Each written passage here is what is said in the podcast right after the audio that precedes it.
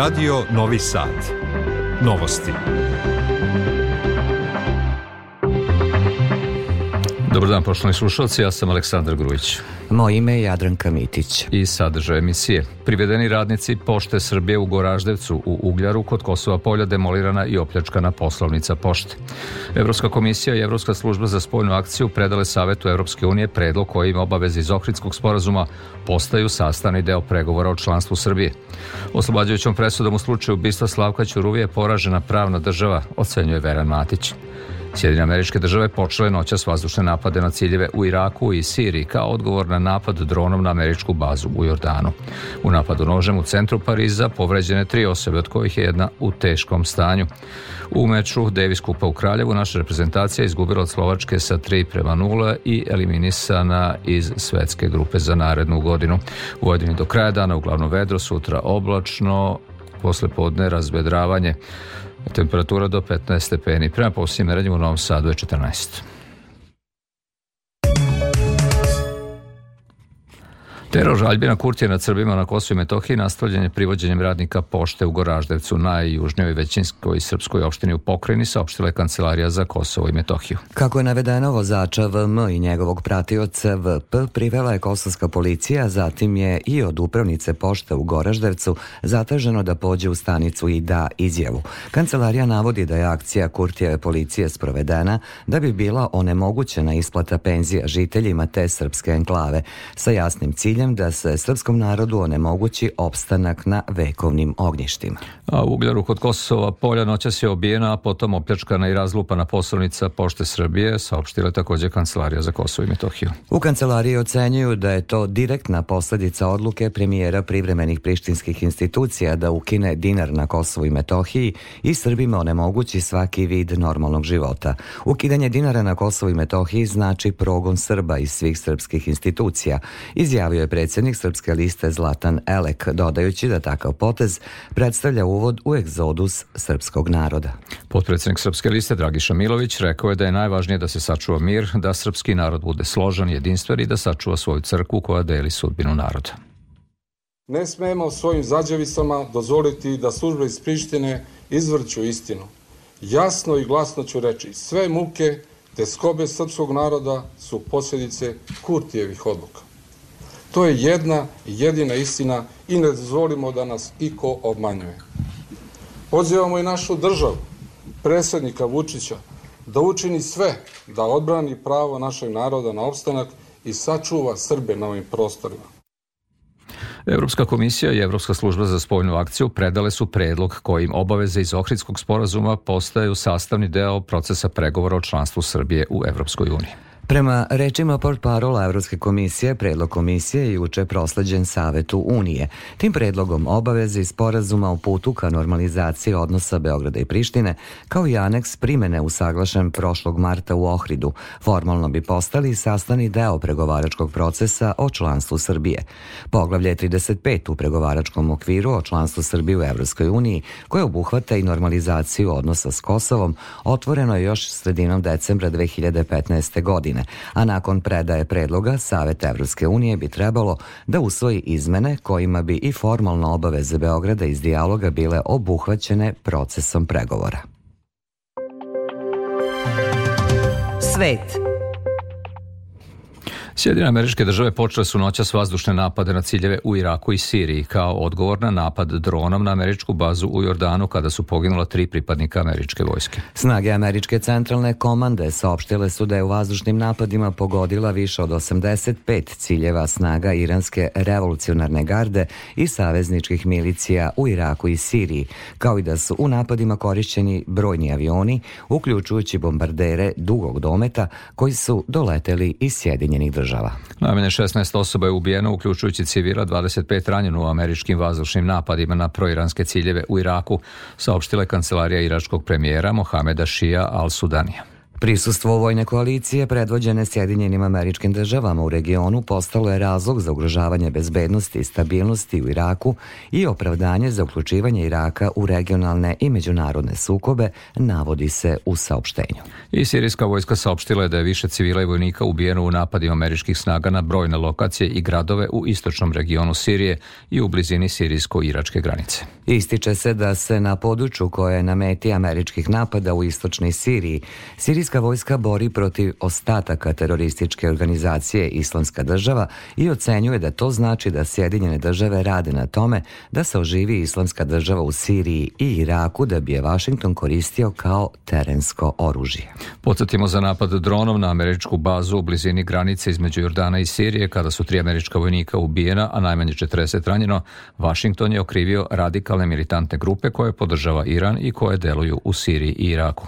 Teheran odbacuje povezano sa tim napadom tvrdeći da je on deo zavere oni koji žele da uvuku Sjedinjene američke države u novi regionalni sukob, a Iransko ministarstvo spoljnih poslova osudilo je noćašnje američke vazdušne udare u Iraku i Siriji i optužilo zvanični Vašington da je povredio suverenitet i teritorijalni integritet te dve zemlje. Huti iz jemenskog pobunjeničkog pokreta Ansar Allah pokrenuli su raketni napad na grad Eilat na jugu Izrela, izjavio je port parol tog pokreta. Prethodno su izraelske odbrambene snage saopštile da je njihova protivazdušna odbrana presrela raketu zemlja-zemlja iznad Crvenog mora. Nakon eskalacije izraelsko-palestinskog sukoba u pojasu Gaze, Huti koji kontrolišu određene delove Jemena upozorili su da će napasti Izrael i da će zabraniti svim brodovima povezanim sa Izraelom plovidbu Crvenim morem do okončanja operacije u palestinskoj enklavi. Od sredine novembra Huti su napali desetine civilnih brodova u Crvenom moru i Adenskom zalivu. Visoki predstavnik Evropske unije za spoljnu politiku i bezbednost Josep Borelj izrazio je zabrinutost zbog moguće eskalacije sukoba na Bliskom istoku. On je najavio da će danas biti održan neformalni sastanak ministara spoljnih poslova zemalja članica Unije na kojem će se razgovarati o tri glavne teme – Bliskom istoku, Ukrajini i Africi. Ovo su novosti prvog programa radija Radio Televizije Vojvodine. Parijska policija je saopštila da je u ranoj fazi istrage isključila terorizam terorizam kao motiv jutrošnjeg napada nožem u centru Pariza u kojem su povređene tri osobe, iako je državno antiterorističko tužilaštvo navelo da je to još moguća opcija. U saopštenju policije navodi se da je napadač muškarac rođen 1992. godine poreklom iz Malija, a da je od 2016. legalno prijavljen u Italiji, što mu je omogućilo da nesmetano putuje i u druge zemlje Evropske unije. Napadač je na parijskoj železničkoj stanici Gare de Lyon pokušao da zapali svoj ranac, a kada su prolaznici prišli da ga pitaju za objašnjenje, on je izvukao nož i povredio tri osobe, od kojih jednu lakšu vilicu, drugu zglobu, lob, a treću je teško ranije u predelu stomaka. Teško povređena osoba je nakon operacije u stabilnom, ali i dalje u teškom stanju, potvrdio je prefekt Parijske policije. Rumunska vlada saopštila je da je postigla dogovor sa poljoprivrednicima i prevoznicima da okončaju višenedeljne proteste slično onima u Nemačkoj, Francuskoj, Belgiji, Italiji, Španiji i Portugaliji, uz zahteve za bolje subvencije, veće cene svojih proizvoda, ograničenje uvoza jeftinih poljoprivrednih proizvoda iz Ukrajine i veću fleksibilnost u pravilima za odmaranje zemljišta. Vlada je napravila ustupke preduzimajući korake za povećanje subvencija za dizel, rešavanje visokih stopa osiguranja i ubrzavanje isplate subvencija, kao i tehničke mere za smanjenje dugog čekanja na graničnim prelazima, a premijer Marcel Čolaku i predstavnici demonstranata potpisali su sporazum. Njime se uspostavlja komitet koji okuplja nekoliko ministarstava da bi se našla rešenja za zahteve poljoprivrednika. Više novinarskih organizacija i OEBS kritikovali su jučerašnju odluku apelacionog suda u Beogradu koji je preinačio prvostepeno osuđujuću presudu i pravosnažno oslobodio četvoricu nekadašnjih radnika državne bezbednosti Radomira Markovića, Milana Radonjića, Miroslava Kuraka i Ratka Romića od optužbi za učešće u ubistvu novinara i vlasnika dnevnog telegrafa Slavka Ćuruvije 11. aprila 1999. godine.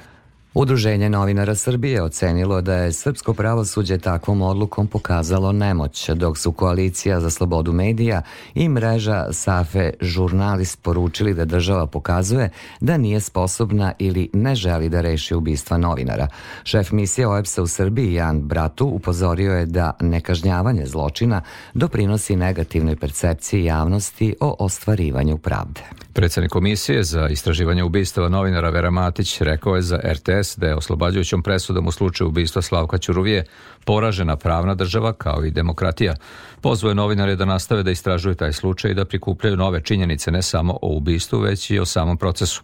Propuštena istorijska šansa da se ustanovi pravda i kažnjivost u slučajima ubistva novinara, poručuje Matić.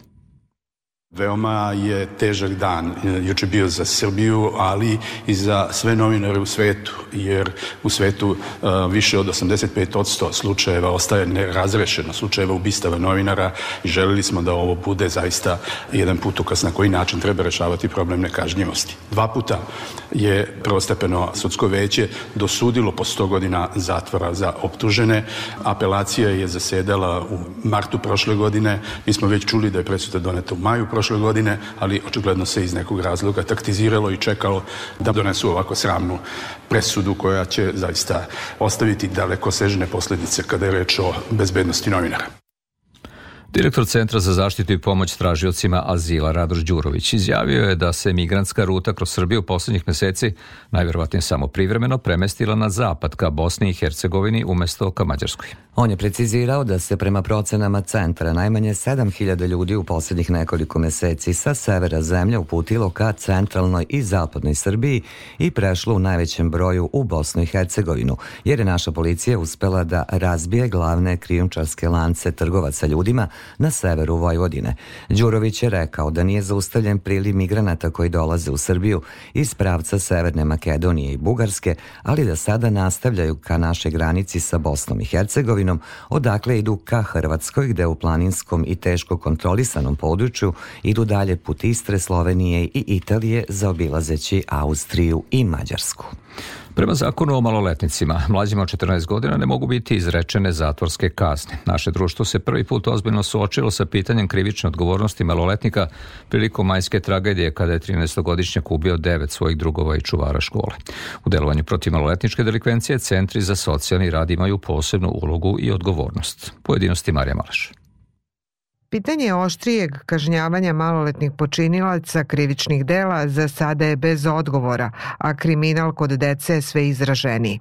Kada se pokrene krivični postupak u odnosu na maloletnika, centri za socijalni rad daju mišljenje i procenu rizika, razgovaraju sa maloletnikom i nakon observacije porodice daju tužilaštvu i sudu mišljenje koje vaspitne mere bi najbolje uticale na maloletnika, objašnjava direktorka Centra za socijalni socijalni rad u Novom Sadu Jelena Zorić. Ističe da je povećanje socijalnog kadra neophodno. Trudimo se da damo što bolji odgovor, ali a, e, je to još uvek nije na onaj način na koji bi trebalo da bude, kažem, kad je u pitanju posvećenost, da bi mi imali kvalitetan odgovor i posvećenost da možemo zaista da pratimo te porodice, da su sa njima mnogo češće u kontaktu, potreban je mnogo veći broj a, stručnih radnika i ono što a, je još važno da kažem da su ljudi i sve manje motivisani da rade o socijalnoj zaštiti. Prema njenim rečima, 30% maloletnih delikvenata koji najčešće kod kuće nemaju dovoljno ljubavi dolaze u centar za socijalni rad i prisustvuju ročištu. Prema maloletniku se izriču određene vaspitne mere, vaspitni nalozi kao diverzivne mere i vaspitne mere koje ne izbegavaju sudski postupak. Diverzivne mere to su vaspitni nalozi društvenog humanitarnog rada, obaveznog pohađanja škole, uključivanje na terapiju, odvikavanje psihoaktivnih substanci i tu se zaobilazi sudski postupak. Najstroža vaspitna mera socijalne zaštite jeste pojačan nadzor organa starateljstva, gde centri za socijalni rad prate roditelje za koje se smatra da nemaju dovoljan kapacitet za roditeljstvo, objašnjava Zorićeva. Više od 500 poslodavaca prijavilo se na konkurs Privredne komore Srbije za uključivanje u dualni model obrazovanja za narednu školsku godinu. Rukovodila Centra za edukaciju i dualno obrazovanje Privredne komore Srbije Mirjana Kovačević rekla je za RTS da će u programu učestvovati od oko 1100 poslodavaca, odnosno da će 4300 đaka imati mogućnost da uči u realnom radnom okruženju. Najviše kadrova traže mašinska industrija, elektrotehnika, ugostiteljstvo, turizam i trgovina, ali i poljoprivreda i proizvodnja hrane, a jedna od novina je stipendija od 5000 dinara za đake koji su se prijavili za deficitarna zanimanja i u okviru, u okviru dualnog obrazovanja. Sve će zapravo biti definisano e, adekvatnim konkursima kada e, za to dođe vreme. Ono što je bitno jeste da svakako prema zakonu o dualnom obrazovanju poslodavac ima obavezu e, i finansijske podrške mladima koji se opredele za školovanje po ovom modelu. Ta podrška je ostala i dalje u iznosu od minimum 70% od minimalne cene rada e, za svaki sat proveden u učenju kroz rad. Možda je recimo značajno da se radi o nekom iznosu od 4500 dinara za učenika na mesečnom nivou ukoliko on provede jedan dan nedeljno u kompaniji. Sajber napadi mogu znatno ugroziti poslovanje kompanija i njihovu reputaciju te dovesti do finansijskih gubitaka. Zbog takvih rizika u online poslovanju privredni subjekti trebalo bi da angažuju eksperte kako bi na odgovarajući način zaštitili svoje digitalne podatke. Ocenjeno je na konferenciji koju je organizovalo Udruženje za elektronske komunikacije i informacijono društvo Privredne komore Srbije. Pripremila Branka Dragović-Savić. Inicijativa iz Privredne komore Srbije pokrenuta je u cilju podizanja svesti kompanija, ali i pojedinaca o savremenim rizicima, jer se poslovanje sve više prebacuje u virtuelni svet. Istakla je savjetnica predsednika Privredne komore Srbije Jelena Jovanović. Danas kako ovaj, se poslovi odvijaju i sve više prebacuju na takozvanu virtualnu stranu, tako se i dešavaju sve veće prevare, sve veći napadi na infrastrukturu. Mi imamo zakon o informacijonoj bezbednosti koji je apsolutno u saglasnosti sa niz dva direktivom Evropske, Evropske unije, ali kompanijama su potrebne dodatne informacije i dodatan podstrek za to. Ona je upozorila da u pogledu sajber bezbednosti u privredi posebnu pažnju treba da obrate sektori energetike i zdravstva, zatim logistika, mobilni operateri i prehrambeni sektor.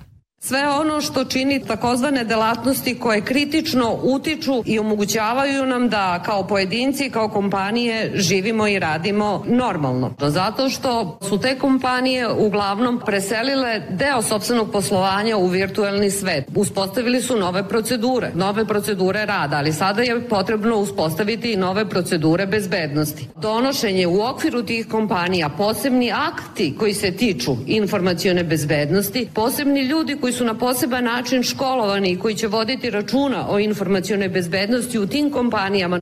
Na skupu je naglašeno da je veoma važno da se o sajber bezbednosti edukuju i zaposleni, koji često rukuju osetljivim podacima, uključujući informacije o klijentima i poslovnim tajnama. Beogradska konferencija, održana krajem prošle nedelje, prva je u nizu. Planirano je da se održe još i u Subotici, Novom Sadu, Nišu i Kragujevcu do kraja godine. Novosti Radio Novog Sada. Bunjevačka nacionalna manjina sinoć je u Subotici obeležila jedan od svoja četiri nacionalna praznika, Dan Velikog prela. Više saznajemo od Kristina Takača. Veliko prelo je u Subotici prvi put održano 2. februara 1879. godine. Taj datum su bunjevci odabrali kao jedan od svoja četiri nacionalna praznika, a odnosno tog dana obeležavaju Dan Velikog prela. Ističe predsednica Bunjevačkog nacionalnog saveta Suzana Kujundžić-Ostojić. Naravno, prela su postojala i kad god, po kućama, po selima i tako dalje, ali tad smo želili da kažemo svima da smo tu, da postojimo i da želimo da čuvamo ono što je naše. 145 godina posle toga, evo nas ponovo tu, u još većoj sali, u još većem broju i sa zaista velikim zadovoljstvom što vidimo da da ljudi dolaze, da čuvamo svoju tradiciju i kulturu. Bunjevački nacionalni savet proteklih godina ima izuzetnu saradnju sa lokalnom samupravom grada Subotice. Za Radio Novi Sad govori gradonačelnik Subotice Stevan Bakić. Uvođenje bunjevačkog jezika i bunjevačkog pisma kao službenih na teritoriji grada Subotice u ravni sa srpskim, mađarskim i hrvatskim jezikom. To je jedan od najvećih demokratskih iskoraka lokalne samuprave. Sastavni i tradicionalni deo obeležavanja Dana Velikog Prela jeste izbor najlepše prelje. Ovoga puta su tu titulu podelile dve devojke obučene u tradicionalnu bunjevačku narodnu nošnju. Dan Velikog Prela bunjevci su obeležili uz bogat kulturno-umetnički program, dobru muziku i tradicionalna bunjevačka jela. I ukratko o sportu, kao na evo naše emisije koja sledi novosti. Svetska šampionka u skoku udalj Ivana Španović i prvi tenisar sveta Novak Đoković proglašeni su za naše najbolje sportiste u tradicionalnom izboru Olimpijskog komiteta Srbije, a naša devijska reprezentacija eliminisana je od Slovačke u borbi za popunu svetske grupe. Naime, u Kraljevu posle poraza u prvom danu u dva singla istu sudbinu je doživao i naš dublo koji je izgubio od Slovačkog. Bili su bolji Slovaci sa 7 prema 6 i 6 prema 3 i tako tako obezbedili opstanak u svetskoj grupi Davis Kupa za ovu sezonu.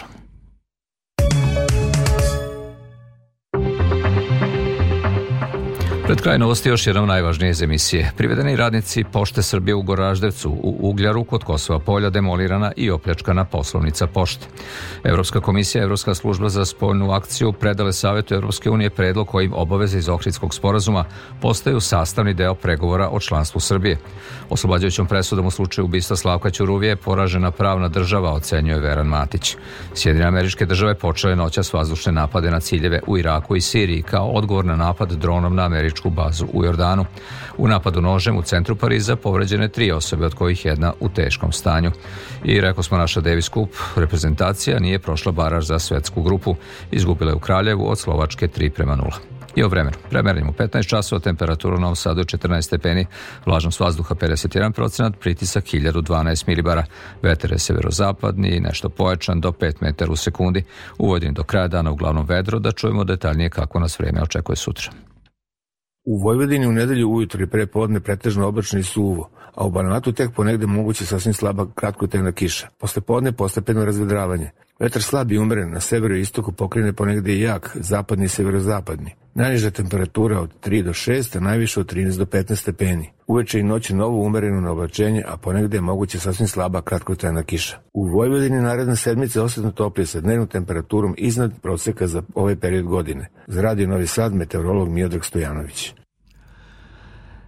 Slušali ste novosti prvog programa radija Javne medijske ustanove Vojvodine. Sve informacije pronađite i na našoj internet stranici na adresi rtv.rs gde novosti možete da čujete i odloženo. Pratite nas i na društvenim mrežama. Tonska realizacija Daniel Manojlović.